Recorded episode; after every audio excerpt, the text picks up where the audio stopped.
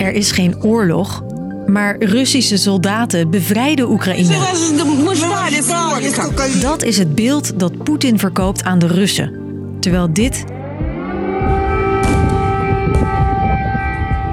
de beelden zijn die wij kennen van de oorlog in Oekraïne. Het is echt een compleet bizarre, parallele werkelijkheid. In deze aflevering vertel ik, Chrisje, je wat de Russen voorgeschoteld krijgen via staatsmedia.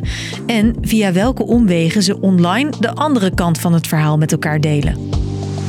Lang verhaal kort. Een podcast van NOS op 3 en 3FM.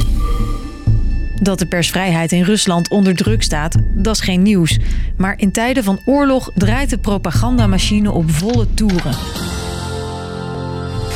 Украинские СМИ сегодня распространили видеокадры мощного взрыва в центре Харькова. Voor de Russen is het beeld van de oorlog in Oekraïne heel anders dan hier in het Westen. Het heet hier een speciale militaire operatie. Zegt onze correspondent Iris de Graaf in Moskou. Je hoort uh, dat Rusland de Oekraïners aan het bevrijden is van een nazi-regime in Oekraïne. Dat het Russische leger heel succesvol is. Oekraïne heeft het over uh, duizenden gesneuvelde Russische militairen. Hier hoor je daar niets over. En dat niet alleen. Ook een groot deel van deze soldaten heeft geen idee waar ze op af zijn gestuurd. Horen we in Oekraïense media. Of deze militairen de waarheid spreken, dat weten we niet, want ze zijn gevangen genomen door Oekraïne.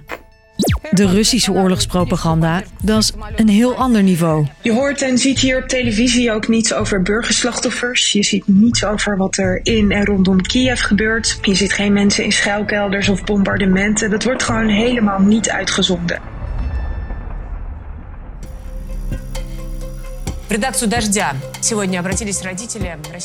De onafhankelijke media die er zijn, hebben het zwaar. Het wordt wel steeds moeilijker om daar toegang tot te krijgen, want uh, ze worden de mond gesnoerd. Media mogen alleen officiële informatie van Russische staatspersbureaus delen. En het verboden woord is oorlog media die wel het woord oorlog gebruiken, moeten hun content verwijderen omdat ze de militaire operatie van Rusland in gevaar zouden brengen. En dat wordt hier inmiddels als landverraad gezien. En iedereen maakt zich grote zorgen over wat dat precies gaat betekenen. Vooral jonge mensen in de grote steden, zoals Moskou en Sint-Petersburg, zetten de staatstv daarom uit. En waar veel oudere Russen nog massaal achter Poetin staan, prikken een hoop jongeren door het nepnieuws heen. Vooral dus door social media. Het probleem is dat de meeste jongeren die protesteren, wat ze hier ook echt doen, hè, met tienduizenden jongeren door heel Rusland, uh, gaan ze de straten op.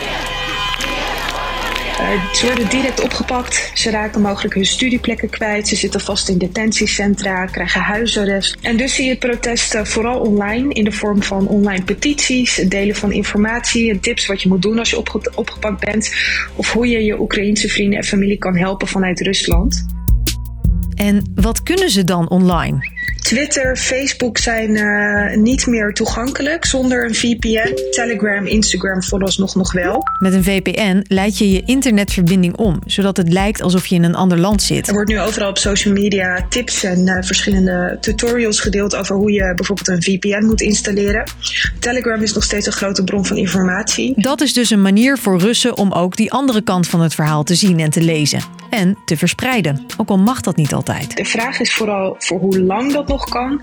En wat de gevolgen zullen zijn, niet alleen van fysiek protest, maar ook van online protest. Zelfs als dat in de vorm is van een simpele like of een retweet. Daarom bedenken sommige Russen creatieve manieren om het online toch over de oorlog in Oekraïne te hebben. Bijvoorbeeld door een boek omhoog te houden waar het woord in de titel staat.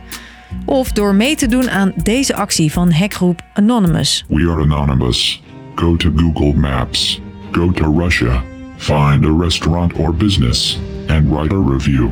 When you write the review, explain what is happening in Ukraine. In Google recensies van restaurants in bijvoorbeeld Moskou lees je nu berichten over de oorlog. The food was great.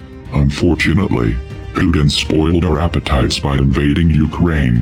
Your government is lying to you. Zo hopen ze dat ook de Russische bevolking deze verhalen hoort. Dus, lang verhaal kort. In Rusland is het moeilijk om aan onafhankelijk nieuws te komen over de oorlog in Oekraïne. De media mogen alleen maar Poetins bronnen gebruiken. Houden ze zich daar niet aan, is de kans groot dat ze op zwart gaan. Toch weten veel, vooral jonge Russen, hun weg online te vinden. En posten ze op social ook de andere kant van het verhaal. En voeren ze digitaal protest. Iris zit dus voor ons in Moskou. Met mij gaat het eh, naar omstandigheden oké. Het is natuurlijk uh, keihard werken. En zoals je net hoorde, is het geen makkelijke plek voor een journalist. En ondertussen nadenken over wat dit betekent voor, voor onszelf qua werk. Uh, hebben wij nog toegang tot informatie? Hoe lang mogen wij ons werk nog doen als buitenlandse journalisten? Want Europa heeft inmiddels Russische staatsmedia verboden, zoals Russia Today en Sputnik. Dus de verwachting is dat er ook tegenmaatregelen vanuit Rusland gaan komen. Dus dat is afwachten op dit moment. Iris houdt je op de hoogte van het laatste nieuws. Dat vind je ook in de NOS-app en hoor je in onze live-uitzendingen op 3FM. Morgen rond 5, dan zijn wij er weer.